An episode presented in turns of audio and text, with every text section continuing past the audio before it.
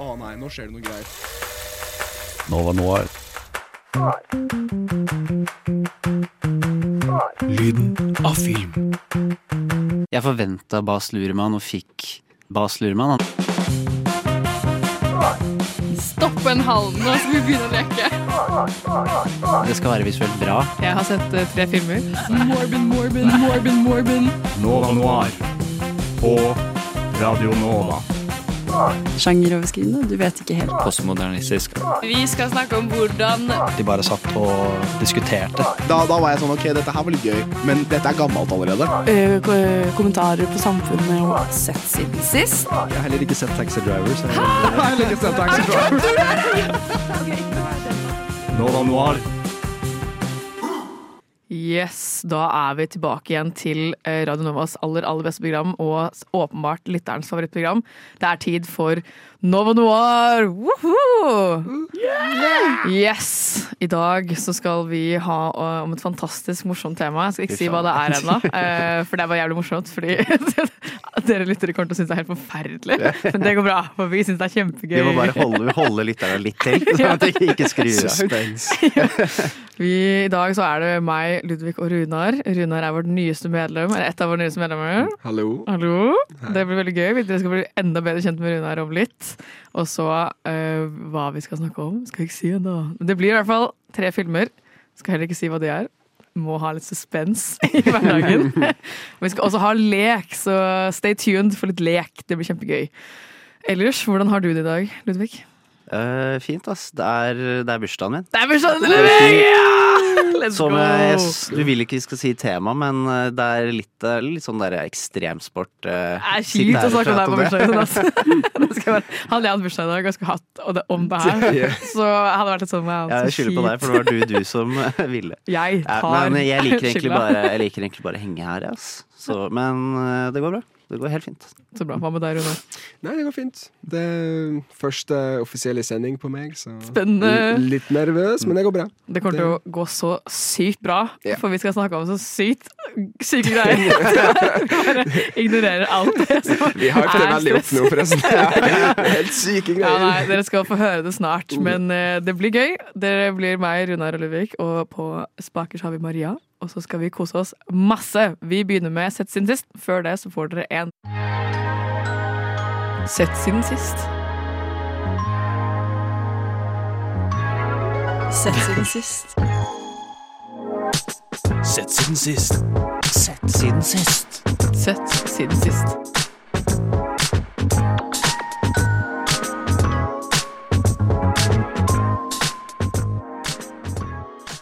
Vi er da over på vårt faste stikk Sett siden sist, som da er at vi forteller litt om hva vi har sett siden sist sending, eller egentlig bare hva vi har sett i det siste.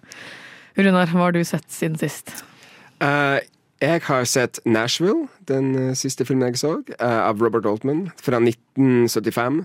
Eh, den er da om musikkindustrien i Nashville, og det er veld, veldig mye som skjer. Det er 25 karakterer uh, i filmen, og det følger liksom deres liv da, uh, gjennom, og hvordan alle dem knyttes til på en måte samme ting som er musikkindustrien i Nashville. Uh, fantastisk soundtrack, ble veldig glad i musikken. Er det original-soundtrack? Uh, ja, jeg tror faktisk det. Jeg tror det er Men det er veldig mye countrymusikk, da. Um, og det er, sånn, det er scener som var i sånn 80 minutter, som bare, de bare filmer scener på der noen står og synger, og det er veldig kult. Man, man lever seg veldig sånn inn i verden, da, som man, man virkelig er i Nashville. Da, jeg, har også sett noe men ganske intim. Mhm. Men også mitt største problem er jo countrymusikken. Fordi jeg, jeg, er så, jeg er ikke så veldig glad i country. Så, Ikke jeg heller, men, men uh, jeg syns musikken funker i den ja, men jeg synes, sånn, I kontekst av filmen så, Ja. går, det, så går det greit, liksom. Det er sånn, du kan se Walk the Line, men det er det. liksom- det, det er liksom det. Hallo! Men det handlet om, Det eh, om, en eh, sanger? Ja, eller? det, er om, det, er om, eh, det handler om alt fra en uh, nyhetsreporter til uh, en musikkprodusent. Det er på en måte alle forskjellige mennesker som på en måte knyttes og møtes. Og det er en veldig menneskelig film. Den tar for seg veldig mye av det menneskelige i, i eh, i den industrien, da, som jeg syns er veldig tøft. Um, å bare se alle de her menneskene knyttes, og det er veldig fint. da Veldig sånn, Det er litt sånn Man får litt sånn håp om menneskeheten, for den Man må knytter litt uh, Man bare hater countrymusikk. Og Robert Altman er jo kjent for å ha flere filmer som har veldig mange karakterer. Han liker heller å ha mange karakterer enn å fokusere på én. Og det er sånn stor fallhøyde på det, fordi hvis du har for mange karakterer, kan noen være dårlig skrevet, eller så kan de få for liten plass, eller sånn, men han er flink til å balansere. Uh, har dere sett Shortcuts? Det er en annen film han har. Nei. Som også er sånn tre timer lang med tusen karakterer. Og, oh, og, og, det, og det, det går helt fint, liksom, men han er veldig god på det. Han, han har definitivt en greie for å like å regissere masse mennesker. For meg føltes det veldig som at eh, jeg brydde meg om alle karakterene. Det var på en måte ingen karakterer i filmen som jeg følte var sånn Og jeg gleder meg til dem hopper over den karakteren. Alle er veldig fint skrevet, veldig sånn menneskelig skrevet. Og det, alle har på en måte goals og uh, uh, meninger, og på en måte de føles som ekte karakterer. Jeg synes det var veldig tøft. Mm. Nice. Hva har du sett siden sist, Ludvig? Jeg har sett uh, Raging Bull om igjen. Uh, Ja. Boksefilmen til Martin Scorsese og Robert De Niro. I kanskje hans en av de sterkeste rollene hans, syns jeg. Eh, og det er basic bitch-film å prate om, men jeg, måtte liksom bare se den igjen. Og jeg måtte liksom bare se den igjen og bare Dette her er Fordi eh, nå har jeg gått over til å like den bedre, tror jeg, enn jeg gjorde Taxi Driver, hvis vi skal snakke om skal Scorsese. I den æraen der. For Taxi Driver er også veldig sånn basic film å like. Jeg liker den jo fortsatt, men eh, jeg tror flere Scorsese-filmer Jo eldre jeg blir, jo mange hopper liksom foran Taxi Driver etter hvert. Jeg vet ikke hvorfor. Kanskje fordi eh, Taxi Driver er litt sånn Er ikke det en av hans første filmer? Sånn det var, tidlig, det var den første sånn, eh, som var ordentlig Hollywood, på en måte. Uh, kanskje Mean Streets er ikke sikkert den er Ja, for jeg skulle si Mean Streets var, var ja, kanskje Mean, ikke Mean Streets var kanskje ikke sånn indie, den Nei, heller. Nei. nei. Nei. Det var rett før, da. Uh, Raging Bull er også tidlig, uh, men nei, scenen. Altså, jeg er ikke så glad i boksing, eller eh, Og mange idrettsfilmer er ræv, liksom. Men Vi har hatt en sending om det. ja, denne her, er, denne her er Vi har etablert det. Men denne er på kanskje toppsjikt av idrettsfilmer ever. Selv om det er mer enn vet dere, karakterstudie enn det er en idrettsfilm. Det er ikke så veldig mange boksescener i filmen. Jeg, skulle, jeg kom på så behind the scenes på eh, Raging Bull uh, at Scorsese var veldig inspirert av den uh, scenen i The Shining, den dusjscenen, yeah. når, når, eh, den stabbing-scenen. Mm. Når han blir slått i filmen, er det som liksom Han tar veldig mye innspill fra den scenen, ikke måten det kutter på og sånt. Ja, og uh, fjerning av lyd og sakte Mm. film og sånn. Det er veldig bra i kule hva det er ting gjort. Og så ble den jo laget fordi Robert De Niro hadde veldig lyst til å lage en film om Jake LaMotta. Så spurte han skulle, han skulle se seg brydde seg ikke en dritt om idrett eller boksing. Sånn, Men han, var, han slet med narkotika på det øyeblikket. Skulle se seg altså. Og eh, De Niro ville liksom få han ut av ledig hva- lediggang. Nå må vi, bare, nå må vi finne på noe. Så det er fullt mulig at uh, Raging Bull redda Martin Scorsese fra overdose. eller noe. Død, liksom. Sykt. Mm. Det jeg har sett siden sist, er Det Jeg har sett en del filmer siden sist, men den jeg vil trekke fram, er Almost Famous fra 2000. Ah, det er Regissert av ass. Cameron Crowe. Eh, og det er veldig kort. Det handler om eh, 15 år gamle William Miller, som er eh, aspirerende musikkjournalist, og får seg sånn typ sommer... Eh, hva heter det? Sånn eh, Vikariat, vikariat i, i en sånn eh, half-ass dårlig magasin. Jeg husker ikke hva det heter sånn i farta. Eh, og får da som oppdrag å intervjue eh, Black Sabbath, er det vel egentlig. Men så ender han opp med å intervjue et band som heter Stillwater. Som er et fake band, de fins ikke. eh, men er da liksom hovedbandet i denne filmen.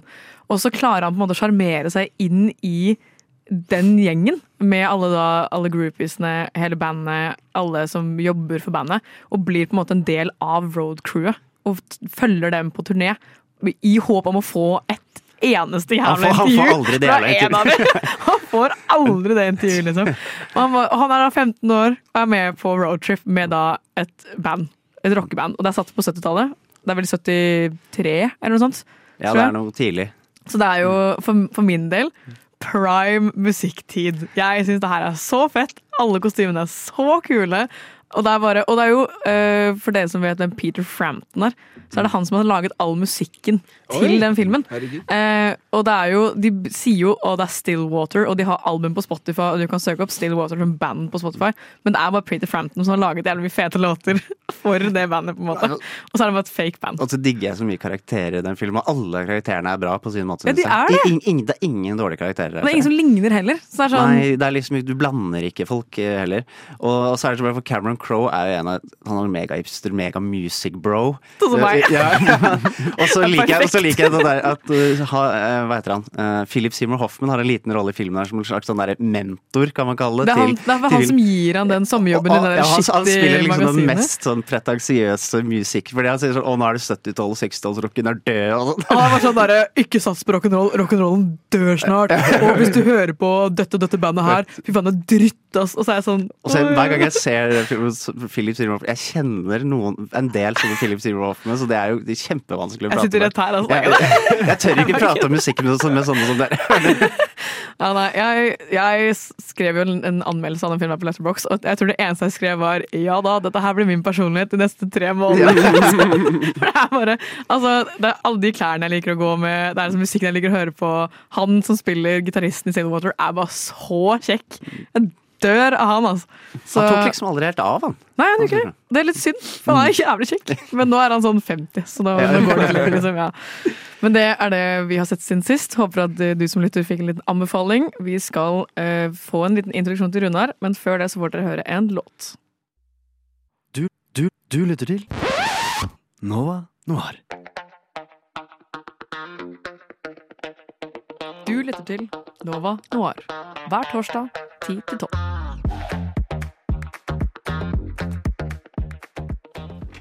Vi skal da bli enda bedre kjent med Runar. Runar er jo eh, en av de tre nye medlemmene vi har tatt inn dette semesteret. Eh, og vi gleder oss masse til å bli bedre kjent. Nå skal du få snakke om deg selv. Masse! Oi, mitt favorittemne! Meg selv. Kjempegøy. Uh, Jeg heter Runar. Jeg er 26 år gammel, kommer fra Mo i Rana. Uh, Jeg jobber i Oslo med film og TV. Uh, Freelance. Jeg er utdanna fra Noroff, uh, som er ei filmskole her i Oslo. Um, og jeg jobber mye med mine egne prosjekter og andre venner sine prosjekter. Jeg um, har en film nå som jeg holdt på å prøve å få laga, så vi holdt på å søke støtte nå. Eh, så det er spennende. Spennende. Du, hvilken rolle i filmproduksjon er det du liker å innta? Jeg er utdanna i regi og manus, så jeg er veldig glad i å skrive. Skriver mange Skriver ofte manus og sånt. Og Så gøy. Mm. Så du er da filmskaper, mm. og liker da åpenbart film, siden du sitter her i studio What? Er det mulig? Hva er dine tre Eller vi kan ta Letterbox-viben. Hva er dine Ja, okay. fire favorittfilmer? Uh, mine fire favorittfilmer er The Long Day Closes av Terence Davies. Min favorittfilm of all time. Jeg vet ikke om dere har sett den. Eh, Fortell. fortell. hvor, hvor, hvor skal man starte med favorittfilmen sin? Uh, jeg er veldig glad i Terence Davies. Han er min favorittregissør, tror jeg. Uh, han lager film om seg sjøl. Veldig personlige filmer om barndommen sin og sitt liv da. Han har gått gjennom veldig, veldig mye, og jeg er veldig glad i filmskapere som på en måte er ikke redd for å på en måte vise seg sjøl på film og, dyp, og gå sånn deep dive inn, inn i seg sjøl. Og det gjør han ofte i manusene sine. Uh, filmene hans er veldig ofte sånn uh, De er satt i virkeligheten, men de hopper ofte sånn med en gang til å bryte virkeligheten. Og jeg er veldig glad i når filmer gjør det. Han bruker veldig mye musikk i filmene sine. Mye, han vokste opp på 50-tallet, så veldig mye 50-tallsmusikk og, og sånn, da. Uh, ja, fantastisk film. Dere må se den. Long Day Closes. Uh, Kabaret er også en favorittfilm. som jeg veldig Musikal, liksom? Musikalfilm, ja. Liza Minnelli-versjonen. Ja. Er det den som er sånn der uh, Welcome, Yes. bienvenue Ja, Nei, ja, jo, jo, jo, ja. Velkommen, Velkommen. Ja, Ja. takk. Ja. Eh, Boom. den, eh, den. Er helt fantastisk. Vant åtte Oscars, uh, inkludert beste manus. uh, Bob Fosse. eh, også en av mine favorittregissører. Jeg er veldig glad i skrekkfilmmusikaler, hvis dere er kjent med den sjangeren. Ikke så veldig. Det er Tenk bare på Rocky Horror Picture Show, Ja. liksom. Er det, det det? Sweeney, Sweeney Todd det, det, det, det er mer sk eh, sk musikaler som er veldig ukomfortable og føles som skrekkfilmer. Som Ah, ja. Kabaret føler er en veldig veldig ukomfortabel film. Oh, ja, sånn, ja. Eh, Jeg var bare sånn, men det, ja, det er også. Er også. Eh, litt sånn antimusikalfilmer, som filmer som vet hvor teit det er når folk bryter, bryter, ut, bryter ut i sang. Uh, Kabaret er en film som er på en måte sånn Det gir mening når de synger. Det er alltid på scenen eller når de skal fremføre noe. Det er ikke bare at de, de bare bryter ut i sangen. Da. Det er ikke full liksom, uh, Rock of Ages-opplegg, liksom. Den er bare Og uh, en annen jeg liker, er Pennies from Heaven, som er eh, med Steve Martin. En eh, av de siste på en måte sånn MGM-musikalene da som ble laga. Det er også en, en form for skrekkfilmmusikal. Uh, den er satt på 30-tallet. Det er en film der karakterer de lipsync til 30-tallsmusikk. Veldig snore-film, veldig veldig kunstfilm. Uh, den kom ut i 1981, og den tjente ingen penger. Gjorde det helt forferdelig. Uh, fordi- Som alle andre kunstfilmer. ja, for det, det, den, det er veldig funny, for den, den er laga på 70-tallet, uh, satt på 30-tallet, med på en måte skuespillere fra 80-tallet, så den vet på en måte aldri hva den vil være, på en måte. Eh, den gjorde i hvert fall ikke det. Jeg tror folk visste ikke hva den skulle være når den kom ut, men i dag er den veldig sånn jeg tror de visste hva de ville lage. Som var en rar film, en rar musikal. Um, så jeg tror den har en litt, litt mer cold following i dag. Selv om den er veldig vanskelig å finne på DVD, så jeg sliter litt med det. Jeg, så jeg, jeg, jeg skjønner at musikk og film for deg går veldig hånd i hånd. Ja. Ja. Nei, det, det, er, en, det er et uh, tema her, liksom. Uh, og så er jeg veldig glad i Mishima uh, av uh, Paul Trayer. Ja. Den er en noir Hvor er Alexander nå? Den er en noir Det var flere her som har likt denne. Ja, det er mange folk som nevner det. Altså. Ja, det Men det, er- jeg skjønner det. Jeg ja, bare visuelt og historie. Ja, helt fantastisk. Ja. Så gøy. Eh, jeg vil gjerne stille deg spørsmål for at, du skal, for at vi som er her, skal bli bedre kjent med deg. Eh, jeg går i samme fotspor som sist gang jeg gjorde dette her med de som var nye på den tiden. Når du spiser frokost, hva spiser du til frokost da? Men hva hvis Hva jeg ikke spiser frokost? Lunsj, da? Eller, hva er sånn, eller Første kveldsmat? måltidet. Ja. Å, uh, nei, ok, jeg kan si lunsj. Uh, jeg er veldig glad i salatbar. Så der går det masse penger til salatbar. Hva har du i salaten? Um, Step by step, hva, hva tar du? Rekkefølgen. herregud, I det siste? Ja, i rekken. Veldig spesifikt. Jeg, jeg lager ofte sånn tacosalat, som, som er ikke så, kanskje det beste lunsjen. Eller frokosten, egentlig. Det er masse ost og masse nachochips. Det er ost, nacho chips, eh, ja, kjøtt. Ja.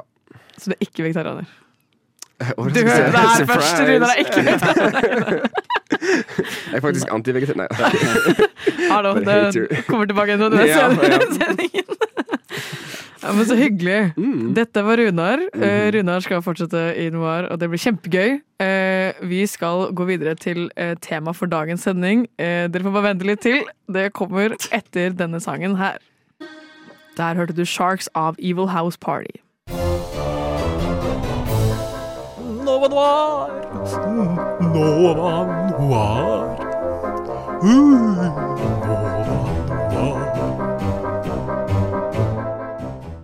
Jeg håper du har nå fått litt følelse av hva vi skal snakke om etter dette. Halloween-jingle. uh, vi skal det her, Vi skal ikke snakke om skrekkfilmer, vi eller på en måte. Vi skal ikke snakke om halloween. Det er ikke noe sånn conjuring-greier. Vi skal snakke om noe enda verre enn det. Vi, eller jeg, har nemlig tvunget Lina og Ludvig til å snakke om filmer som handler om kannibalisme. Yes! Og det høres jo veldig rart ut, eh, fordi eh, det er jo litt nasty å spise sin egen art. Men jeg Ja, jeg. Og jeg eh, er jo helt enig, men jeg valgte denne filmen her eh, egentlig kun basert på symbolikken kannibalisme fører, eh, tar med seg. Uh, vi skal komme tilbake til det uh, med eksempler i filmene. Uh, men det er veldig vanlig å bruke kannibalisme som grep for forskjellige typer ting. Blant annet da kjærlighet. Det kan både være kjærlighetssorg, men også sånn du er så forelska at det eneste du, du klarer å gjøre, er som å absorbere det andre mennesket. Eh, eller at du er så sånn derre Psycho. Du er så heartbroken at du bare, du bare spiser det mennesket, liksom. For du, du må bare Jeg vet ikke, det det blir sånn der, en sånn dyrisk opplevelse. Men det kan også være kommentar på eh, rasisme, eh, imperialisme, kolonialisme. Mye greier. Og så er det en veldig effektiv uh, måte å etablere en skurk på også. Helt sant. Helt sant. Det, det finnes, jeg tror ikke det finnes noen liksom mer ekstreme virkemidler enn uh, gjør det, liksom. Nei, nei. Så er det bare hvordan skal vi etablere at han er skurk? Sitter og sitter på og skriver og så Nei, vi, han spiser en dude. Hva følte dere når jeg pitcha dette som tema, Runar? Jeg var først litt sånn OK, jeg For kontekst, altså Runa hadde møtt meg én gang. Så jeg vet ikke hva slags inntrykk Runar Jeg tror, det er først, jeg tror det første du sa til meg 'hei, jeg liker kannibal'. Nei, nå sprer jeg fake, fake news. Eh, jeg, jeg var bare sånn OK, det er veldig mange kannibalfilmer. Det er veldig mye å velge mellom. Um, så jeg tror jeg sleit litt med å finne sånn hvordan film skal jeg se. Um, og jeg tror jeg har funnet en ganske bra. ja, vi kommer til å snakke om det, men Hva med deg, Ludvig? Jeg er enig med deg. Det er et virkemiddel for veldig mye forskjellig. Og så er det jo sånn, er- det er veldig tabubelagt tema uansett. Det er, det, det er liksom Hvis du først gjør det når du lager en film, så har- tror jeg du allerede har Er det på dypt vann? Du har allerede fremmedgjort en del eh, publikummere, tror jeg. Jeg tror hvis det, det er mange som liksom bare Nei, jeg kommer aldri til å gidde å se det fordi jeg vet at det er noen som blir spist i, liksom. Jeg tror det er vanskelig å pitche en film som handler om det, selv om det er et såpass effektivt virkemiddel. For det er med en gang eh, Den ene filmen vi skal snakke om eh, til slutt, er en film jeg er veldig glad i. Og det å prøve å pitche den til vennene mine, og prøve å få folk til å se den, det er vanskelig, fordi du må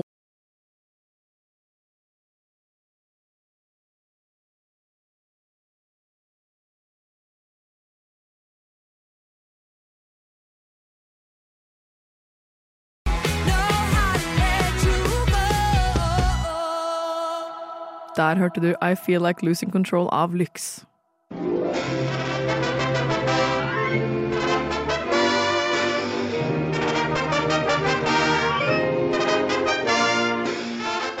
Lytter til Nova Noir hver torsdag 10-12 eller på podkast når du vil. Vi skal gå over til en eh, litt mindre in your face kannibalfilm. Vi skal over til Delikatessen. Og Ludvig, hva handler Delikatessen om? Delikatessen handler om eh, Frankrike i postapokalyptisk, en uviss postapokalyptisk verden. Eh, hvor vi ikke vet hva som har skjedd, vi bare vet at uh, det er uh, helvete har skjedd.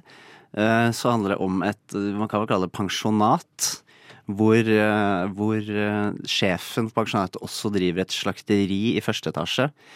Hvor han Hvor han ja, han, han, han, han Hva heter det? Han han forkler jo en slags stilling, stillingsutlysning for en av ledige leilighetene i pensjonatet. Eh, eh, egentlig så betyr det at eh, han skal eh, slakte det mennesket som kommer inn, og så fôre det til seg selv og de andre som bor i pensjonatet. For det er vel mangel på mat, er det ikke det? Jo, At du får liksom korn er valuta, Ja. og der kjøtt er det veldig lite av. Eh, og det er- hinter vel også til at generelt så er det lite eh, Kan man gro veldig lite òg, så det er liksom korn og menneskekjøtt som det går i. Uh, Så fælt. men her er det jo, her, her er det jo faktisk i, Her er faktisk bare én slaktescene på starten. Du ser at han i, fra, pers, fra perspektivet til han som blir gutta med øks, liksom bare får øks da. Ja, det er, Jo, det er også, også du er title liksom han card. som blir drept, Mm. liksom. Eh, og så Men så kommer det en klovn. Eh, jeg vet ikke hvorfor det finnes klovner i Pascal. Hvordan har han tjent penger til å være klovn? Louison, i hvert fall. Eller Louison, jeg vet ikke. Det er fransk, dette her. Han flytter i hvert fall inn i leiligheten, og i starten blir ganske likt av han eh, i han blir ganske populær eh, og likt av han slakteren, så han bruker litt lengre tid enn han pleier på å slakte han. Så da, det blir jo et problem, for da begynner Louison å skjønne hva som skjer, og han forelsker seg i Julie, som bor, som bor i en av naboleilighetene. Og det er vel dattera til slakteren? Ja. Som også er jævlig dødelig, for hun vet jo hva som kommer til å skje. ja, altså, ja, eller alle som bor der, vet hva som kommer til å skje. Men, men spesielt Ja. hun, da. Og når hun da forelsker seg i det nye offeret, Mm. og vet at pappa skal slakte han og fòre han til meg, så blir jo hun helt fra seg, ikke sant. Og når han, øh, han øh, klovnen vet at Han begynner å få ferten av at jeg passer ikke inn her, Mm. folk behandler meg veldig rart, inviterer meg på middag. Folk er litt, Veldig folk, sært, liksom. folk er litt sånn, eh, og de syns ikke han er morsom, som er liksom levebrødet hans. Og, eller noen syns han er morsom. Men nei, og så er det nei, Jeg syns dette her kanskje er mer postapokalyptisk film en kannibalfilm. Det var vel i den konteksten vi prata om sist gang. Det var vel vi to da, det, Karin? Det var Dette er andre gangen vi har prata om en film. her. Yes! Eh, men her brukes jo også liksom som en slags sjokkfaktor. Det kunne vært sånn Du kunne nesten laget den samme filmen, eh, bare at han bare at han, bare at han var en morder, han eh, slakteren. Som bare lokka folk til en leilighet for å drepe dem. Men det putter på kanskje litt ekstra X-faktor i og på en måte lidelse man har i en sånn type univers, da. Det er vel også en øh, kommentar på liksom hvor hva gjør du når du er desperat nok, på en måte? Det er det òg.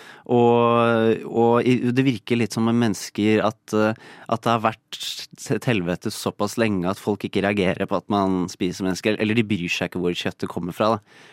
For, det er ikke det, for det er ikke alle liksom. som vet det der heller. Han kverner det jo, for- får det til å se ut som vanlig Altså vanlig kjøtt, på en måte. Det er ikke sånn at de spiser en hånd og Nei, nei, nei. nei det, er, eh, det er jo barn som bor i den blokka, så det er Mm. jo, de vet jo heller ikke hva som skjer.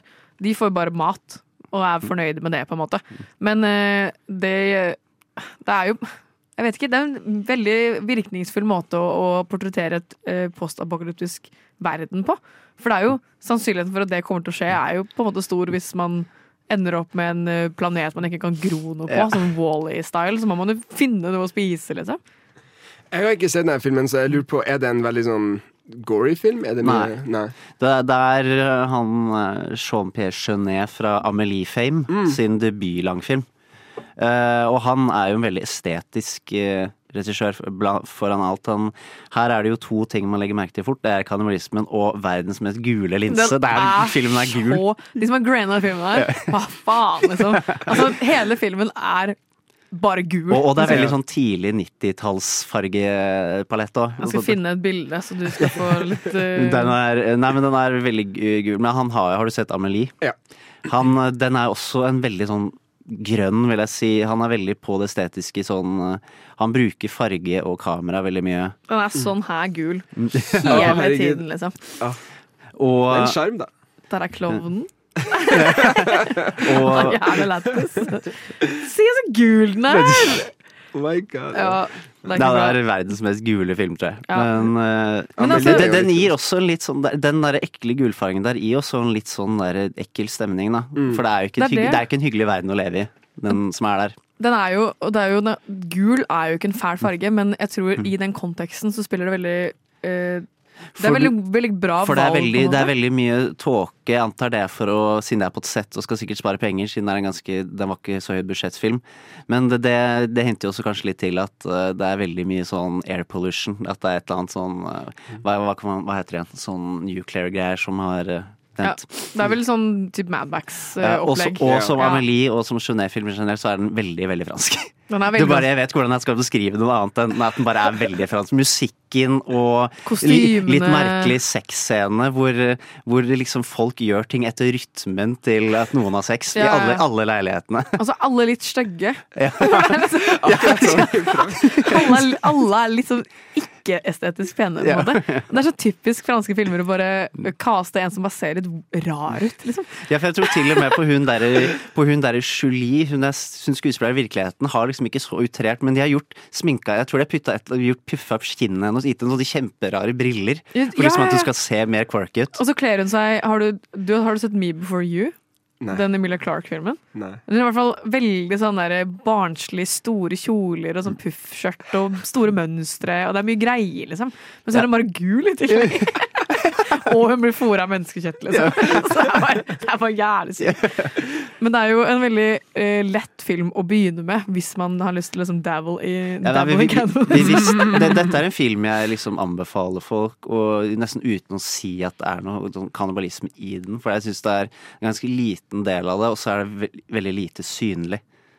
Det er, Ja, mer, det er- det er mer bare en liten sånn derre skrekk-ikk i en ellers ganske mer sånn dramakomedie, vil jeg vel kalle filmen egentlig. Jeg syns faktisk Sweeney Toll er verre, sånn sett. Mm. Det er mye mer direkte drap og direkte liksom Hånd til munn, holdt jeg på å si. Sånn, eh, at han, han dreper noen, den slusa går opp, og de bare dumpes rett ned i den kjøttkjelleren. på en måte. Det er ikke sånn i den filmen her. Så det er veldig godt pakket inn i mye virkemidler og mye sånn eh, De forklarer det så veldig sånn Ja, vi lever i en verden der ting ikke gror, og vi trenger mat, og derfor dreper vi en eller annen fyr Tenk- en gang i måneden. Tenk, Liksom. tenk hvor mye drøyere det hadde vært hvis den bare var litt satt sånn i en normal fransk by i liksom vår ekte verden. Det hadde blitt mye drøyere med en gang, fordi da er det en fyr som gjør det bare fordi han har lyst. Ja. Ikke fordi han føler han må, på en Ja. Matbutikken er fortsatt åpen, liksom. Ja. Men noe jeg reagerer litt på, eh, er jo at eh, fordi han klovnen skjønner hva som skjer, fordi han ikke blir drept fort, fort nok, og hun dattera forelsker seg, så begynner jo alle de andre i blokka altså ferten av at hvorfor er ikke han drept ennå? Og de de blir så sinte på han kokken. Eller på han slakteren og han klovnen. Og de går liksom i, i fullstendig opprør. Og liksom begynner å prøve å drepe han selv. For de er sånn Nå må han dø, og vi trenger vår dose kjøtt. Og det er sånn de snakker aldri om at de spiser mennesker, og de får bare en pakke kjøttdeig, på en måte. Men de vet at han er den direkte kilden. Så de, de bare gjør alt de kan for å faen meg drepe han, liksom. Og de klikker. For de er sånn Drep han, da! Vi trenger mat. Sluttscenen er det, liksom. jeg, jeg føler at det er sånn actionscene som kommer ut av nowhere. Alt blir, Ja, opp på taket Ja, ja, opp, klatrer på taket og liksom forsvømmer hele bygget og sånn. Ja, hva, men hva, hvordan er det den slutter igjen? Jeg husker ikke. Er det For hele blokka flommer over, så dør alle sammen? Eller hva er det som skjer igjen? Nei, det er at de sitter på taket. Det er kanskje ikke den siste scenen. Eh, jeg, husk, jeg så den ikke opp igjen eh, til sendingen nå. Uh, der de sitter på taket der, han klovnen. Ja. Hvis det ikke er aller siste scene, så det er på en måte en sånn kjærlighetsslutt. Ja, Hvordan Han blir med- ikke drept. Hvordan det går med etterpå, ble litt, er litt Han ble sikkert drept seinere. På andre betingelser. Det er på en måte, hva heter det, en bare en bitte liten historie i en ellers, et ellers ganske stort univers, da. Ja. Det er en uh, lett måte å komme inn i sjangeren på. Vi skal over i en, eh, en også en litt sånn godt pakket inn, men litt tidligere kannibalismefilm. Vi skal til Ravenous etter denne sangen. her. Nova Noir. Nova Noir. Uh,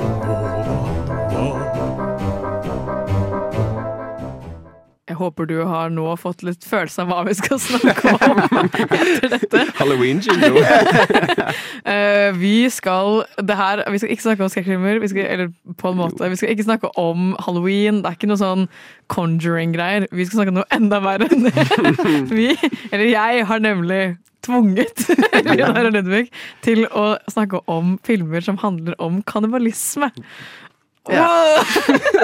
Yes! Og det høres jo veldig rart ut, eh, fordi eh, det er jo litt nasty å spise sin egen art. Men jeg Ja, egentlig.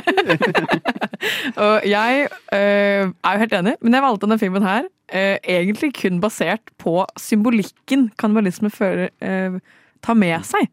Eh, vi skal komme tilbake til det uh, med eksempler i filmene. Uh, men det er veldig vanlig å bruke kannibalisme som grep for forskjellige typer ting. Blant annet da kjærlighet. Det kan både være kjærlighetssorg, men også sånn du er så forelska at det eneste du, du klarer å gjøre, er som å absorbere det andre mennesket. Eh, eller at du er så sånn derre. Du er så heartbroken at du bare Du bare spiser det mennesket, liksom. For du, du må bare Jeg vet ikke, det blir sånn der, en sånn dyrisk opplevelse. Men det kan også være kommentar på eh, rasisme, eh, imperialisme, kolonialisme. Mye greier. Og så er det en veldig effektiv uh, måte å etablere en skurk på også. Helt sant. Helt sant. Det, det finnes, jeg tror ikke det finnes noen liksom mer ekstreme virkemidler enn uh, gjør det, liksom. Nei, nei. Så er det bare hvordan skal vi etablere at han er skurk? Sitter og sitter på og skriver og så Nei, vi, han spiser en dude. Hva følte dere når jeg pitcha dette som tema, Runar? Jeg var først litt sånn OK, jeg For kontekst, altså. Runar har møtt meg én gang, yeah. så jeg vet ikke hva slags inntrykk Runar Jeg tror, det er først, jeg tror det er første du sa til meg Hei, jeg liker kannibalfilm. Nei, nå sprer jeg fake, fake news. Um, jeg, jeg var bare sånn OK, det er veldig mange kannibalfilmer. Det er veldig mye å velge mellom. Um, så jeg tror jeg sleit litt med å finne sånn hvordan film skal jeg se. Um, og jeg tror jeg har funnet en ganske bra. Ja, vi kommer til å snakke om det, men Hva med deg, Ludvig? Jeg er enig med deg. Det er et virkemiddel for veldig mye forskjellig. Og så er det jo sånn, det er- det er veldig tabubelagt tema uansett. Det er, det, det er liksom Hvis du først gjør det når du lager en film, så tror jeg du allerede har Er det på dypt vann? Nei, Du har allerede fremmedgjort en del eh, publikummere, tror jeg. Jeg tror hvis det, det er mange som liksom bare Nei, jeg kommer aldri til å gidde å se det fordi jeg vet at det er noen som blir spist i, liksom. Jeg tror det er vanskelig å pitche en film som handler om det, selv om det er et såpass effektivt virkemiddel. For det er med en gang eh, Den ene filmen vi skal snakke om eh, til slutt, er en film jeg er veldig glad i. Og det å prøve å pitche den til vennene mine, og prøve å få folk til å se den, det er vanskelig. Fordi du må liksom forsvare det hele tiden. Selv om du kan si så mye du vil om liksom, symbolikken og virkemidlene, men det å forsvare kannibalismedelen av storyen, som da er en stor del av storyen, det er skikkelig vanskelig. Jeg, jeg, Jeg syns egentlig ikke det burde være vanskelig å pitche det hvis det, kannibalismen ikke på en måte blir uronisk glorifisert. Og jeg vet ikke om det Ja. fins på filmer Vet ikke om det fins Sikkert i noen sånne typiske dark, dark web ja. Ja. nede i weben, ja. Fordi når det er liksom skurken, så er det på en måte lettere. Men som jeg sa, det er veldig lett å fremmedgjøre publikum eh, hvis det er hvis det er med i en film i det hele tatt, tror jeg. Jeg skulle si at det er veldig vanskelig å pitche en kannibalfilm uten å høres ut som en sosiopat. Men nei, den er bra. Ja, jeg tror jeg pitcha det til dere også med sånn eh, Å, hva vil vi snakke om til sending? Eh, hva med kannibalismefilmer? Og så må dere liksom sende en sånn kjempelang melding på hvorfor jeg ikke er syk i hodet. Ja. Og bare sånn, Jeg lover at jeg ikke er gæren. Som gjør det bare er verre, sånn- egentlig. Ja, Når du For jeg gjør det så forsvarer deg selv. Ja. Ja, Du blir defensiv her. ja, men jeg vet ikke. Jeg syns det er jo eh, Jeg vet ikke, jeg liker på en måte kannibalismefilmer bedre enn uh, hva skal jeg si, sånne poltergeist-filmer, da. Eller spøkelsesfilmer. Eller sånn typiske sånne jump scare-filmer. Det første jeg tenker på, det er sånn Conjuring, Insidious, Babadook, sånne type filmer. Jeg syns det er bra, men jeg vil heller se en kannibalismeskrekkfilm enn en sånn nå skal du skvette syv ganger. Jeg tror grunnen til at uh, dette her er så sånn tabubelagt og kontroversielt, er fordi at eh, i motsetning til spøkelser og sånn, så finnes kannibalisme. Det er mennesker som gjør, og har gjort dette i virkeligheten. Jeg tror det Og det er ikke bare nei, på- mennesker, på det er arter som gjør det også med Mm, hverandre. På, på flere måter så tror jeg eh, sann, eller virkeligheten skremmer oss mer enn eh, skrekkfilmer. Vi ser på sånn jumpscare og spøkelsesfilmer fordi vi blir underholdt. Jeg tror ikke vi blir underholdt, i hvert fall ikke på den samme måten, av eh, kannibalfilmer. Jeg tror det er Det blir så nærme en Mm. selv at man blir liksom man, Jeg føler at folk blir liksom tatt på senga, på en måte. For det er jo eh, Du kan jo oversette det til- så mange andre settinger, som for eksempel å være veldig grådig, eller å være eh, jeg vet ikke, for eksempel ha mye sex. da Det kan på en måte være en slags kannibalisme, eh, men uten den direkte kannibalismedelen. Så jeg tror folk blir liksom litt sånn sånn deer in the headlights når de skal snakke om det. Fordi du blir så oppmerksom på hva du også gjør, som på en måte også er en kannibalistisk oppførsel, uten at du har kappet av noens arm og stekt den og spist den, liksom. Men jeg tror det er også mange filmer Jeg tenkte ikke på at det var så mange populærfilmer som handlet om det før jeg skulle pitche det til dere. For når jeg skulle komme på liksom forslag til filmer, så var det så mange filmer som har det som tematikk, som jeg ikke, ikke har tenkt på. Sånn for eksempel Silence of the Lambs, eller eh, hva heter den på, på norsk? Eh, Nattsvermeren. Ja. Den, det er jo bare en film om en kannibal, men det er ikke noe kannibalisme i den. Så man oppfatter det ikke som det, men det er jo hele filmen. Det han- er jo bare om det. Hannibal Lecter er vel eh, i kanskje sånn hvert fall Eller kanskje med, både med fiksjonelle mennesker og ekte mennesker er vel Hannibal Lecter den mest kjente kannibalen. Ja. Der ute, liksom. Men den digger folk. Men det er jo det er en Jeg, jeg, jeg, og jeg, vi tror, kunne ha jeg, snakket om jeg den i tror vi liker hinting mye bedre. Det kan være. Og fordi eh, det er også, en, det er også et veldig sterkt virkemiddel å hinte til noe veldig groteskt. Ja. Det er, det er kanskje verre noen ganger òg, for da, da blir du tvunget til å tenke selv. Hva er det Hannibal har gjort nå, liksom? Istedenfor at de viser det. Vi nevnte jo denne uh, Sweeney Todd. Det er jo også kannibalfilm. Ja. Uh, og så har det jo kommet ut en ny film nå nylig. 'Society of the Snow'. Det er jo kannibalfilm. Det skjedde i virkeligheten. Det skjedde i virkeligheten, så det er jo også sånn Men den er folk sånn Ja, den må jeg se! Høres dritspennende ut. Men der er det jo på ekte, faktisk, Ja. kannibalisme som har skjedd på ekte. Det var, når jeg så den, satt jeg bare og tenkte Å, shit, det her er ekte. Det er jo Ja, ja, ja, ja. Og det kom jo også ut en eh, film i fjor, forrige fjor, eh, 'Bones and All', denne Timothy Chalamet-filmen. Det er bare en skikkelig kannibalfilm. Men det var folk sånn 'Å, det er Timothy Chalamet, han er så digg'. Der går du er litt innom den der seksuelle delen av kannibalisme. Fordi det er bare Timothy kommer seg unna, unna alt. Unna sånn, kommer unna med det, han er så jævlig kjekk, liksom. Så det er, eh, det er Det kommer jo ut liksom kannibalfilmer hele tiden. Men det kommer an på i hvilken stor grad du legger vekt på det, og hvor tydelig det skal være, tror jeg. For, for om folk ser dem eller ikke. Eh, vi skal jo uh, gå inn på tre forskjellige filmer. Det blir uh, kannibalklassikeren, holdt jeg på å si. Cannibal Holocaust først. Og så går vi inn på delikatessen, og til slutt skal vi snakke om Ravenous. Vi begynner med Cannibal Holocaust etter denne låta her. Du hører på Nova Noir, filmprogrammet på Radio Nova. Spoilere kan forekomme.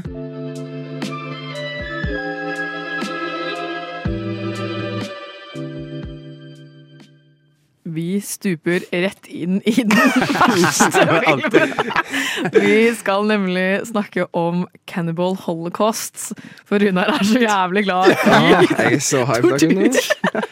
Elsker tortur. du, eh, vi kan gi, du kan gi et eh, kort eh, recap av hva som skjer i filmen, Rune. Hva er Um, den filmen her om? Filmen handler da om en eh, gjeng med filmskapere, eh, unge filmskapere som drar til Amazonas regnskog for å møte en stamme med innfødte. Um, og gjennom filmen får vi da vite de reiser til denne skogen, og ting skjer fordi de møter kannibaler. da og det er bare sånn general plot, da. Um, og så er det at uh, de forsvinner, eller de, de forsvinner, og så er det noen andre som kommer etter dem da, for å finne ut hva som skjedde med de her folkene. da. Um, og ja, det er det general plot, da. Nice. Jeg hadde jo ikke sett den filmen her før, men jeg, jeg hadde liksom på følelsen at det her kom til å bli en av filmene vi måtte se, fordi det ble tema. Det er, det er jo liksom mest ikoniske, kanskje på alle feil måter, men mest ikoniske kannibalfilmen som fins. Ja, filmens tittel, liksom, 'Cannibal Holocaust', det er sånn Det er ganske sykt å kalle Ja, for holocaust. ja, ja. det. liksom, Du, du skal liksom dra inn sånn der liksom sånn jødemord Ja. inni i Ja. sånn kannibal. Jeg, jeg, satt, jeg så den her på tirsdag, og så satt jeg som og, og satte den på, og så kommer liksom den starten, for de flyr over liksom jungelen, og så kommer liksom sånn typisk sånn der eh, regissert av, og så sto det bare 'Cannibal Holocaust' i store bokstaver, og så var jeg sånn den heter Holocaust. Ja. Det er jævlig Men- sykt å velge det, liksom. Men veldig, musikken også er veldig Ja, sånn fin når de flyr over. Veldig, sånn, veldig nydelig soundtrack, Ja. egentlig. Det, men det soundtracket kommer liksom igjen hele filmen, og det er et veldig rart soundtrack, for det er, det er så pent, og det er så veldig sånn rolig og nesten litt sånn flytende soundtrack, og så er det bare det verste som skjer på så skjermen. noen liksom. på scenen, han, han fyren har jo klikka på keyboardet noen scener, han der. Det er det ene det- Ja, ja, ja. Det minner meg veldig om hvis dere har sett Zalo. Uh, filmen Ja, jeg har dessverre sett den. Ja, den jeg har har også blitt anbefalt. Ja, for den starter også med et vel utrolig fint soundtrack i en film som bare er helt forferdelig. Det er italienere, det er, merket, det er italiensk, det er merket, det, det, han er italiensk den som har laget en film her, selv om filmen ikke går på italiensk. Uh, og i, det er et eller annet med italienere når de skal lage fæle filmer, så er de så unhinged. Italienske bare skrekkfilmer er bare, de, går, de går all in, ass. Ja. Ja. Men det som er gøy med denne filmen her, er jo ikke nødvendigvis det som skjer på skjermen, men det som har skjedd bak skjermen og etter at filmen har kommet ut.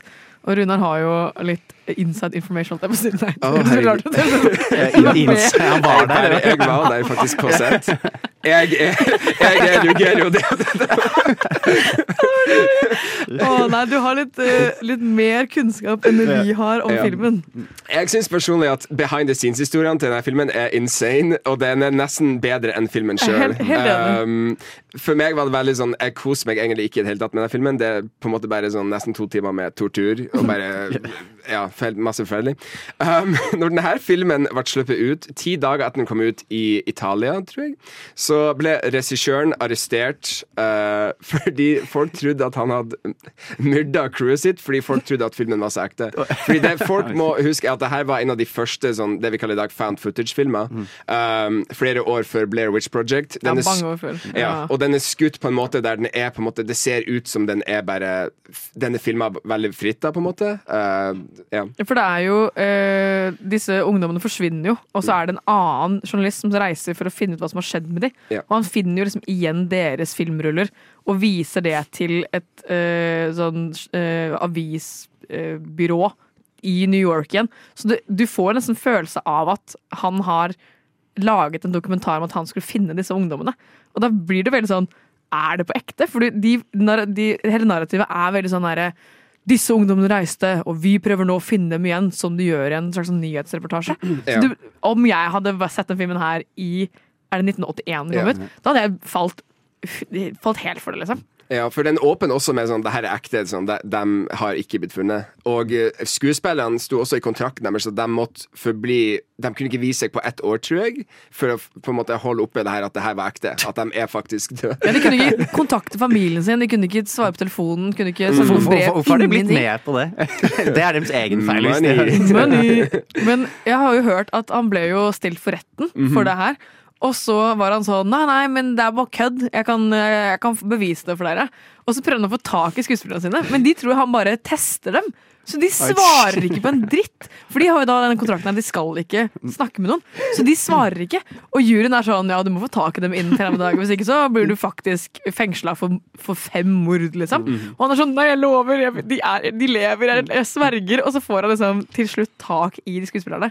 Og så sier de sånn nei, nei, vi er ikke døde, vi bare har signert den kontrakten her, liksom. Og så slipper han unna med mordanklagene. Men han har jo på og legit torturert dyr i filmen.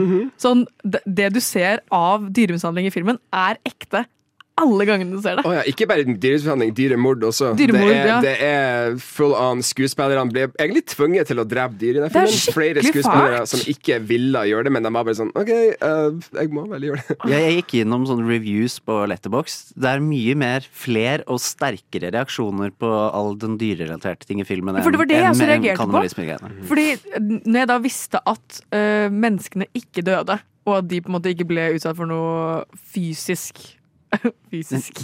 Psykisk, ja, men ikke fysisk. Men av dyrene Det er blant annet en scene som jeg måtte bare skippe blankt over. Der en sånn stor sånn uh, elveskilpadde blir liksom fanget, dratt opp av vannet av disse skuespillerne. Og så blir den først uh, uh, kappet av hodet på, og så kapper de av den alle beina. Og så ligger den bare der og blør ut, og så bare tar de liksom skallet og skjærer av toppen. Og liksom deler hele skilpadda i to, så den bare ligger sånn åpen. Og så tar de ut alle innvollene på den, og steker de og spiser den. Det var helt forferdelig grusomt. Og det var jo ikke det Jeg var bare sånn Jeg visste at han skilpadda ble drept der og da, foran øynene mine, liksom. Så jeg var sånn Dette her har jeg ikke lyst til å se. For meg var det, det De dreper lite aper i denne filmen. Åh, Sånn- den slicer han som en liten løk. Ja, ja. Og det var sånn, Hvorfor ser jeg på det her? Man, bare, man har sånn self-realization. Man er sånn, Hva er det her for noe? Hva er det jeg sitter på? Det syns jeg faktisk var skikkelig ordentlig grusomt. liksom. Mhm. Den er Ja. Um, den har også veldig sånn Dialogen er bare veldig goofy og funny. På starten av filmen er det en scene der en av karakterene sier Han sier jepp, håper ikke, håper ikke det skjer noe forferdelig på denne reisen. og så er man sånn OK, hvem skrev det? og så bare, og så, eh, Siste replikken i filmen var veldig funny for meg, fordi han, eh, en av karakterene han ser på kamera, og så sier han jeg lurer på hvem de ekte kannibalene er. og så setter man meg sånn Er ikke det her bare noe du kunne på en måte latt publikummet på Ja, ja, tolke? Ja, ja. er veldig sånn ja. Det, det er, de, ja, du kunne nesten lagd den filmen her i stumfilm og skjønt alt som hadde skjedd. Men den er så veldig visuell. Så det, For det er jo eh, det eneste jeg egentlig sitter igjen med av på en måte symbolikk da, om hvorfor de har valgt å gjøre den såpass grov, er det er en scene der han journalisten som prøver å finne de unge eh, Han har liksom en egen sånn dialog med uh, hun som er på en måte sjef i den uh, avisredaksjonen, og er sånn for hun er sånn 'Å, for- forferdelige videoer du har vist meg. Så grusomt. Og tenk at det her har skjedd med dem.' Og så er han sånn 'Ja, hvordan hadde du reagert dersom du var på andre siden av det her? At hvis du var denne primitive gåsteinstammen gåstein stammen som blir angrepet av bare fremmede, hvordan hadde du reagert om de hadde kommet inn i huset ditt, tatt all maten din, spylt ned dass, drept hele familien din og voldtatt deg? Hadde du bare reagert rasjonelt, eller hadde du blitt liksom litt sånn primitiv i reaksjonen din? Eh, og det føler jeg på en måte er hele, hele som du skal sitte igjen med av den filmen. Jeg synes Den prøver å være en kommentar på sånn amerikansk media og det er sånn vestlig uvitenhet, da, det vi kaller det. Men jeg tror den bare feil Ja, det er det. Fordi, ofte fordi filmen på en måte speiler den ekte historien med på en måte folk som er mishandla på filmsett. Akkurat som i filmen, folk som gjør ting de ikke vil gjøre. Så den er- faller veldig sånn flatt for meg, da. Ja, for det jo, jeg, jeg skjønner liksom hva han prøver på, men når jeg vet hva han har gjort med liksom alle involvert, Ja, ja. og spesielt da alle dyrene, så blir jeg sånn du, du er en parodi på deg selv.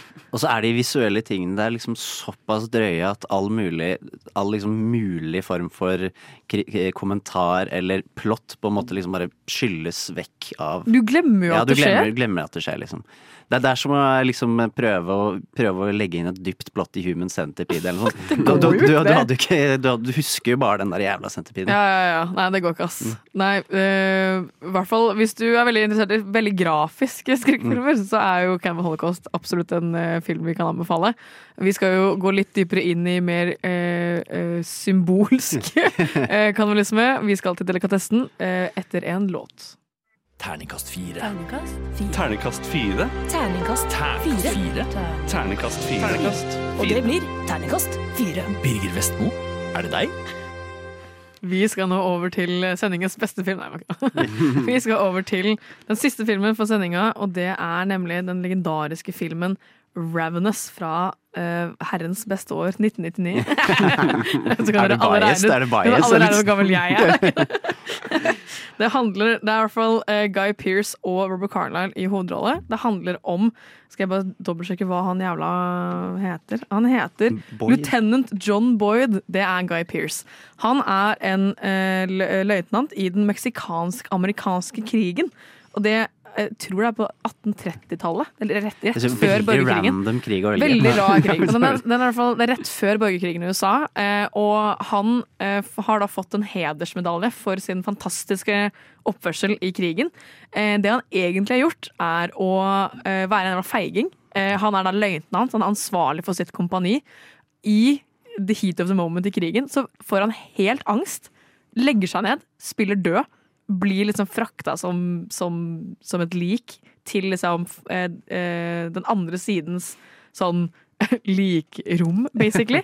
Og klarer å krabbe ut der og ta the enemy lines. Så han klarer liksom å vinne den, det slaget med bare å være en jævla feiging, liksom. Okay. Og så får han hedersmedalje bare for formaliteten, men han som er da over eh, Boyd igjen, er sånn Vi vet hva du har gjort. Du er en jævla feiging. Du skal få være soldat, men du blir utplassert i en på en sånn gjennomgangspassasje i Rocky Mountains i Gokk, liksom. Lykke til, kos deg masse, liksom. Og det er sånn nord i California fra Det er overgangen til liksom Oregon Trail ned til California. Og det er bare oppe i fjellene, helt ute i ødemarka. Der skal han være utstasjonert med noen andre sånne deadbeat soldiers, på en måte. Eh, så han møter da en rekke andre folk som da enten ikke er noe gode til å krige, eller har liksom psykiske plager, eller et eller annet som gjør at de ikke er egna for krig. Det er en der som er sånn skikkelig sånn trigger-happy morder, basically. Som bare, han, han er sånn bader i elva, er helt sånn gal, bare er sånn maskulinitet, åh! Og det er sånn bare sånne folk der. Og en er liksom. basically narkis. Ja, en er narkis og en er alkoholiker. Det er en som er sånn kjempedypt religiøs kristen. Det er bare en sånn rar gjeng. Og så er han der, og han syns egentlig det er helt greit. Uh, sitter og spiser middag med de andre, og så banker det på ruta.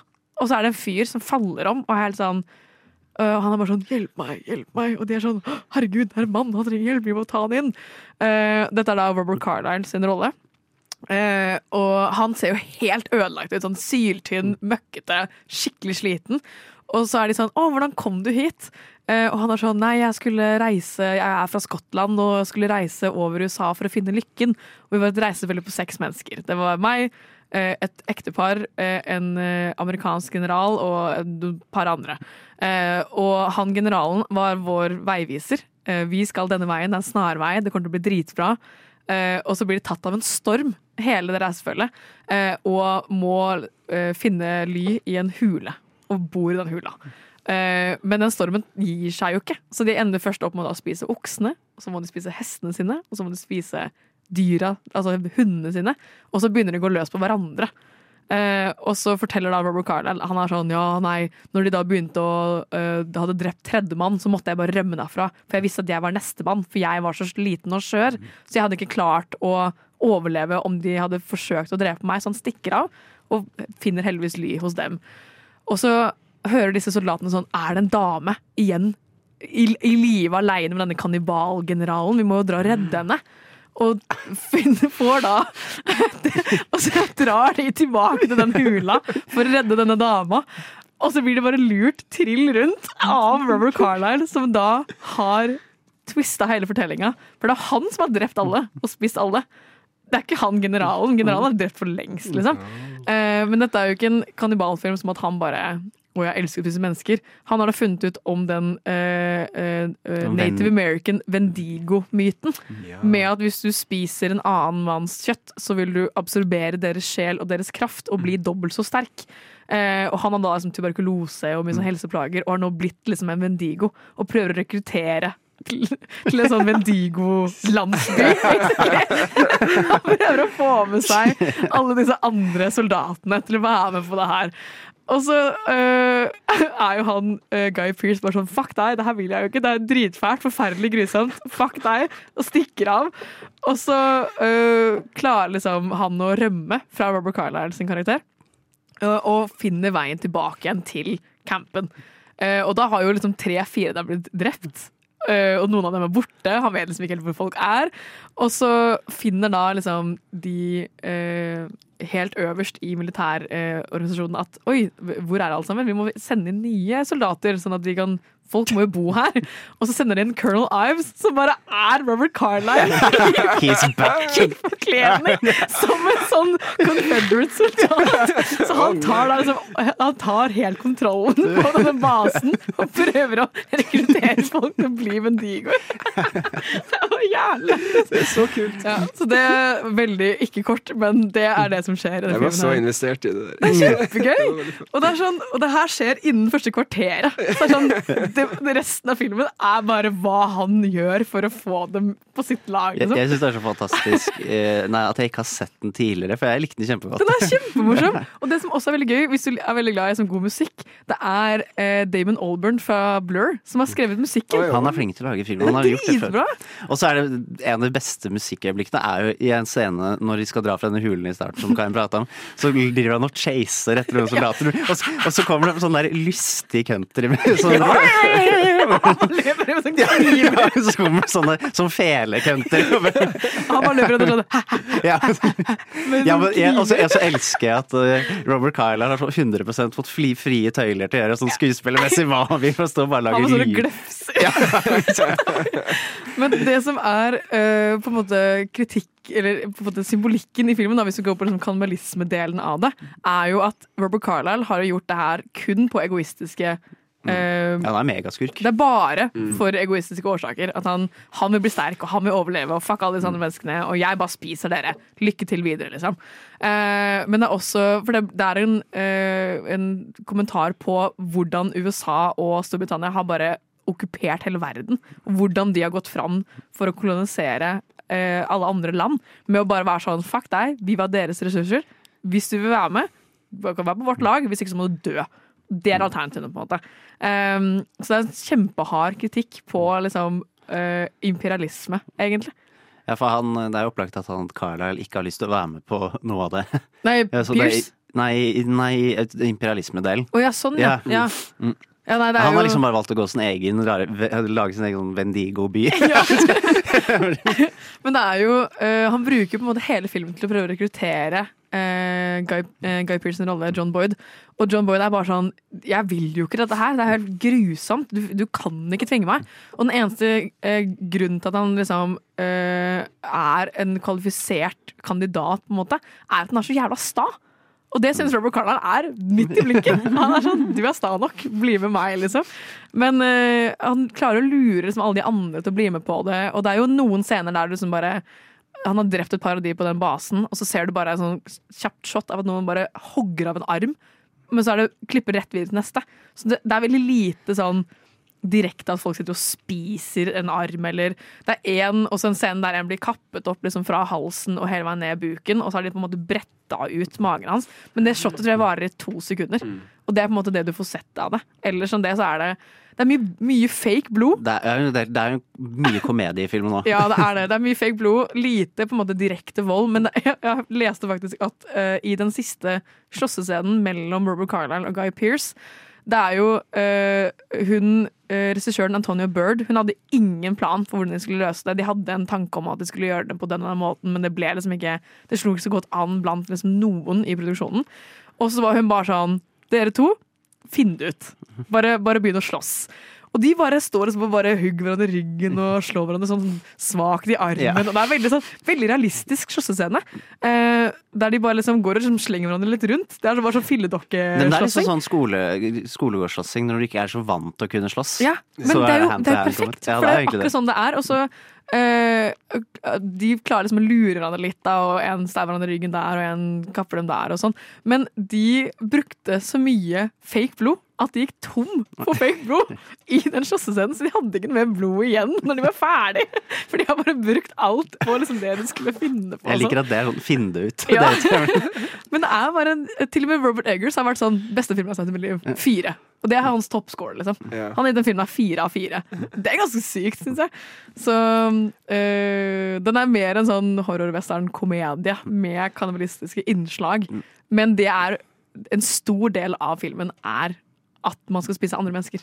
Så det er hele liksom, temaet er bare det. Og Liksom. så er det jo likheter helt basert på sånn innfødt amerikansk religion òg, da. Mm. Eh, ba- bare at i, av en eller annen grunn her i denne i verden her eksisterer den uh, myten. Ja, det Ja, det er, er det som gjør det forskjellig. Liksom. Så det er litt sånn halvfantasy inni der òg. men jeg syns det, er- det er fett, ass. Det er en jævla Og det, det skjer jo bare på liksom to lokasjoner, egentlig. Det er i den basen eller ute i naturen. Og that's it, liksom.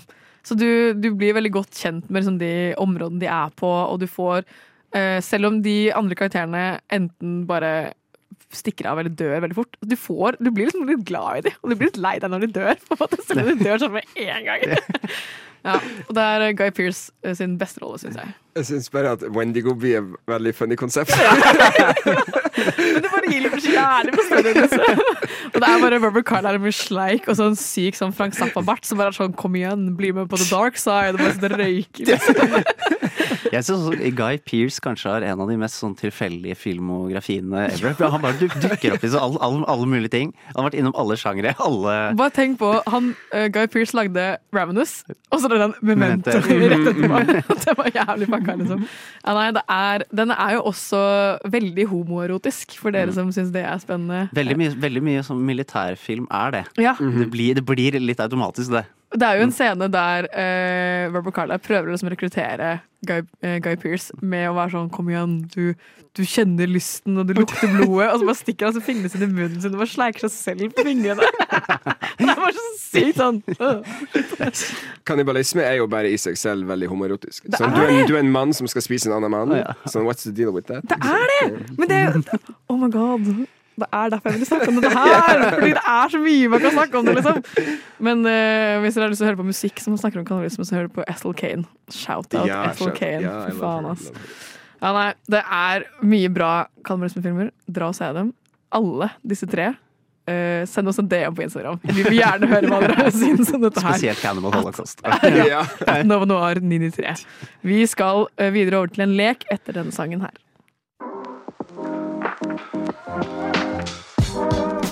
Nova Noir. Film på radio. Hver torsdag 10 til 12, eller i din podkast-app når som helst. All right, vi skal nå over til en eh, lek. Jeg har jo lurt litt på å kalle det for lek, for det er ikke direkte en lek. Men det er en gåte som dere skal løse for meg, som jeg har øh, funnet Nei, jeg har ikke funnet. Jeg ble faktisk øh, informert om den gåten her i går. Så det var veldig sånn boom, her er den. Uh, jeg skal bare fortelle dere gåta, og så skal dere stille meg spørsmål. Jeg kan kun svare ja eller nei. Maria er også med, hvis du vil være med. Uh, og så skal dere finne ut hva som er greia. Uh, jeg kan gi dere et hint allerede. Det er samme tematikken som det vi snakket om i dag. Derfor denne gåten. Nei, kannibalisme. Nå Eh, vil hun ikke være med lenger. Gåten er som følger. Eh, en mann går i land fra en båt, eh, går inn på en restaurant, bestiller seg albatrossuppe, spiser én skje av suppen, reiser seg, går ut og tar livet sitt. Hvorfor tar han livet sitt? Oi! Men hva albatrossuppe? Ja. Da er det bare å stille spørsmål. For jeg vet, ikke, det, det, alle albatross er ikke et giftig dyr. han har spist hjerne eller noe sånt. Det har jeg hørt det er veldig usunt. Nei, det er ikke det. hjernen til en albatross kan man dø av, liksom. Nei, jeg vet ikke. Det er kokt, da. eh, Ikke heng dere for mye opp i liksom, suppa i seg selv. Okay, Den starter med at han Går av en båt. En båt, OK. Ja. Oh. Oi, hva tror du? Har noe skjedd på båten? Er det mye som Nei. skjer på Nei, ah, ok. Har noe skjedd uh, Han går inn i en bar, var det det? Inn på en restaurant. Restaurant? Hva var uh, OK. Hva heter restauranten? Det spiller ingen rolle. Ah. Cannibal the Restaurant. Cannibal the Det Restaurant. Var, Det var var, var, var det faktisk albatross han spiste? Ja, det var det. Eh, Vi bare mm, men mm, eh, Kanskje eh, målet var bare å ta livet sitt og bare spise en, en skje suppe? Ok, men øh, Jeg skjønner ingenting. dere var på denne båten. Tenk litt på båten som et hint. Du sa det ikke skjedde noe der? Ikke båten i seg selv, men sånn Han var på en båt. Han Er, er, er det en mangelsykdom av noe slag? Nei. Nei, ok. Var han kaptein? Nei. Han bare var på båten. Ja. Størrelse på båten. Det er Spiller ingen rolle. Hva het båten? Nei, faen. Det har jeg spurt om sikkert allerede. Helvete! Jeg burde restauranten var restauranten. The SS Cannibal. Men det er nåtid? Det spiller heller, Ah, ingen ok. rolle. Ja, men faen, da! OK. Um, okay fordi han er han litt sjøsjuk, eller? eh, Dårlig til man, man, kan, man kan si det, men det har heller ikke så mye med sorgen å gjøre. på en måte. Det helvete. Hva kan være Okay, hvor- hvor, kom han fra med denne måten? Oi. Ja, hvor kom Hint. han fra med denne båten, da? Du spør, da. Det er- Det er ja eller nei-spørsmål. Eh, kom han fra okay. Amazonas. Kom han, kom han fra en øy? Ja. Kom fra en øy. øy. Galapagos? Det spiller ingen rolle hvilken øy. Han var, Ja, kom fra en øy. Han kom fra en øy. Kom fra en øy. uh, uh, hva skjer når man har vært på en øy Uh, Har han hatt litt Nei, du, du spurte jo det med mangelsykdommer. Uh, eh, han Var, Det er noe med albatross. Det er jo det som er han var der alene på den øya. Alene på oh. båten òg? Han var alene på båten, men hvorfor var han på øya? Hva har skjedd på øya? Han gifta seg med en albatross og fikk albatrossunger. Har han, har han drevet med kannibalisme på øya? Nesten. Oi, nesten. har han spist noe av seg selv på øya? Nei. Ok, Selvkannibalisme, liksom. Å, det har vært kult. Eh, er, han, er han egentlig en albatross? For hvorfor spiser man én skje av suppe, og så dreper man seg selv? Hva er det som får deg til å gjøre det? Oi, ha, ja, for han, han kjenner smaken av kjøtt, og så er han sånn Faen, jeg, jeg, på jeg, jeg assosierer bare det her med menneskekjøtt. Du er inne på det! Sånn Du er det. skikkelig inne på Er det! Wendigo Vendigo-greier? Nei, men det er ikke så langt unna. Du er skikkelig inne på det. Ja. Fortsett. Kom kom, kom, Kom kom, kom, kom kom, kom. Han Han var sånn Oi, jeg måtte spise menneskekjøtt på, den, på øya, og nå kan jeg bare assosiere kjøttsmak med menneske. Det er, ja, nesten. Nesten. Okay, Hva er det jeg mangler? Hva er det jeg mangler? At han, liksom, han kommer tilbake til sivilisasjonen, på en måte. Ja. Ja. Og møter seg selv i døra. Albatross-døra. Nei, men altså Dere er inne på det. Dere er inne på det. Du er, du, du er sykt nærme, liksom. Ja, men hvordan er han, unn Ja, hvordan er er han ikke framme? Ja, Er det, no, er det noe forskjell med albatross, selve albatrosskjøttet og selve suppa, eller er det noe relevant? En, en gang til. At det er selve kraften i suppa, eller er det kjøttet av albatrossen som har noe å si? Eller har ikke det noe å si? Det er bare Det var ja eller nei-spørsmål. Så du må Eh, formulere det. Er skåla et albatrossnebb? Det er bare et åpent hode. Ja. Oh. Og det er, det er albatrosskjøtt i den Ja, ja, det, albatrossuppa han spiser. det, det er skjønt. Det er det. Jeg orker ikke. Jeg orker ikke. Men jeg føler vi Er det relevant at det er akkurat den fuglen? Eh, Det kunne vært en annen fugl, men den heter bare albatross. i Ja, båten, ok. Så da var det en albatross. Ah. All right. han, han tar Han Han blir bare satt ut av å spise albatrosskjøtt. Han bare, blir bare litt lei seg. Vil dere vite Ja, kan Og han er vegetarianer. Så han er litt sånn Jeg kan ikke Spise albatross. Denne mannen var fanget på en øde øy med kona si, eh, og ble fanget av kannibaler. Og så har kona hans blitt drept, og så har han fått servert albatrossuppe på denne øde øya. Og så trodde det var albatrossuppe, ble reddet, kom til sivilisasjonen, dro på restaurant, Og så Spiste albatrossuppe. og så smakte han og så smakte det ikke det samme, og så innså han at han hadde blitt fôra av kona si. Uten at han visste det, og da tok han og drepte seg selv, for han syntes det var så fælt. Ja. Kanskje vi ville ha funnet frem hvis, det var, hvis vi nevnte kona? Ja. Hvorfor spurte du ikke om å ha sammen med på Ja, Du sa han var alene på øya! Han var fanget! Du sa han var alene på øya. Oh, ja. Sorry. Ja, du sa han var alene på øya alene på båten. My bad. Da går litt Wow. dårlig. Ja, jeg fikk den her av en eh, i klassen min i går. Uh, jeg synes det var dritgøy, for Hun var sånn, sånn som meg som ga meg en sånn hint Så jeg satte meg fast. Men jeg har også hørt at folk har liksom brukt sånn en halvtime, time på å finne ut av det her. Ja. Og det synes vi for lenge. ass. Skulle blitt en film, dette her. Det kunne blitt en film. Ja. Hva, det er Memento, bare albatrossgodt. Jæv, jæv, jævlig weird at det første han går for å spise, er liksom det han har blitt fôra når han har vært gissel. Kanskje han ville vite at, kanskje han ville se Harvard blitt Det skulle sjekke. Eh, I need to know, liksom. Ja, nei, er, eh, jeg kom jo også på samme sånn som deg. Jeg var sånn, Har han bare spist det og trodd at han hadde fått det, og så var det egentlig ikke det. Og så satt jeg sånn bare fast i den i går. Ja. Så jeg fant heller ikke den løsningen. Jeg måtte bli fortalt det. Jeg var sånn, ja. ah, faen. Men det var veldig lek. Jeg håper at du som lyttet var med og gjetta. Kanskje du allerede har hørt om gåten. Kanskje du gjettet det før oss i studio. Det kan hende. Vi skal eh, si ha det eh, straks, men en låt først. Du lytter til Nova Når. Ja, hva sitter vi igjen med da, Runa Lønnevik? En full mage. Appetitten er øker for hvert minutt som går. Mm. Jeg blir bare sulten, egentlig. Jeg vil ha lunsj nå. Yes. Ja, nei, hva føler dere at dere er? eh, Er dere mer pro, mer pro, eller fortsatt liksom sånn åh, kannibalisme? Eh, Som, som. Det, det, var, det var dårlig formulert, i hvert fall. Er dere åpne for å fortsatt, er bli med? ganske Er dere åpne for å være med i min Vendigo-kult? Jeg har bare lurt dere hele tiden. på, tiden. I byen din. Jeg har bare lurt dere hele tiden. Jeg er egentlig Vendigo og har prøvd å Oh, rekruttere dere. eh, Det hadde vært noe. Jeg sitter igjen med jeg, For jeg hadde ikke sett de to filmene uh, dere snakker om, så jeg vil gjerne se dem. For jeg ble veldig veldig fascinert av å på Freemare. av de jeg, jeg, jeg hadde Det er noe helt annet enn Cannibal Holocaust. Ja, ja. jeg har, noe, jeg, har et, jeg, sitter, jeg har vel det samme forholdet til sånn kampanjerisme for film som jeg hadde fra før. Jeg hadde jo uh, Det jeg liksom ble overrasket mest over, var kanskje hvor godt jeg likte Ravenous. Den er Ja, så bra! Dere må alle se Ravenous. Og Delikatessen og Ja, du kan stå på Camel. Det går greit.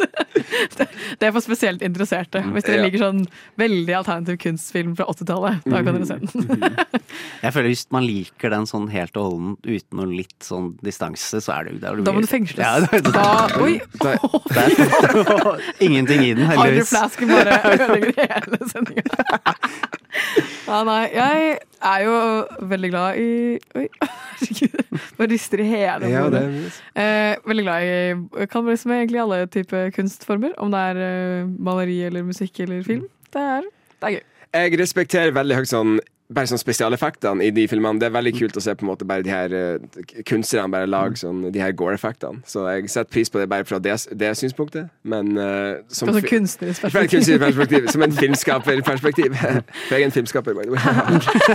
Jeg elsker film. Val hele noir er bare sånn sånn filmbros. Bare tapere. Ja. Losers. Oh. Ja, nei, det har vært veldig gøy. Det har vært gøy å snakke med dere om dette temaet. Det er jo morsomt å snakke om noe litt annerledes også, og ikke bare gå for noe sånn oh, mindfuck-film. Ikke for å shame den sendinga jeg egentlig skulle ha selv. Men eh, nei, det er, det er morsomt å kunne prate om noe som ikke er liksom, fullstendig bare sånn A4 hele tiden. Mm. Og prøve å utfordre litt. Eh, Vi Enig. er jo tilbake igjen neste torsdag som vanlig, klokka ti til tolv. Enten på DAB-radioen din eller i din prefererte podkast-app. I dag så har du hørt Ludvig Viltil, du har hørt Rune Sandvik, du har hørt meg, Karin Grette, og på spakene har du hatt Maria Skjerven. Let's go! Jeg husker alle navnene! Yes! Drit. Jeg er så stressa. Sånn, Har du gjort jobben din, da? Yes. Vi ses igjen neste uke. Det har vært hyggelig. Ha det bra! Ha det bra.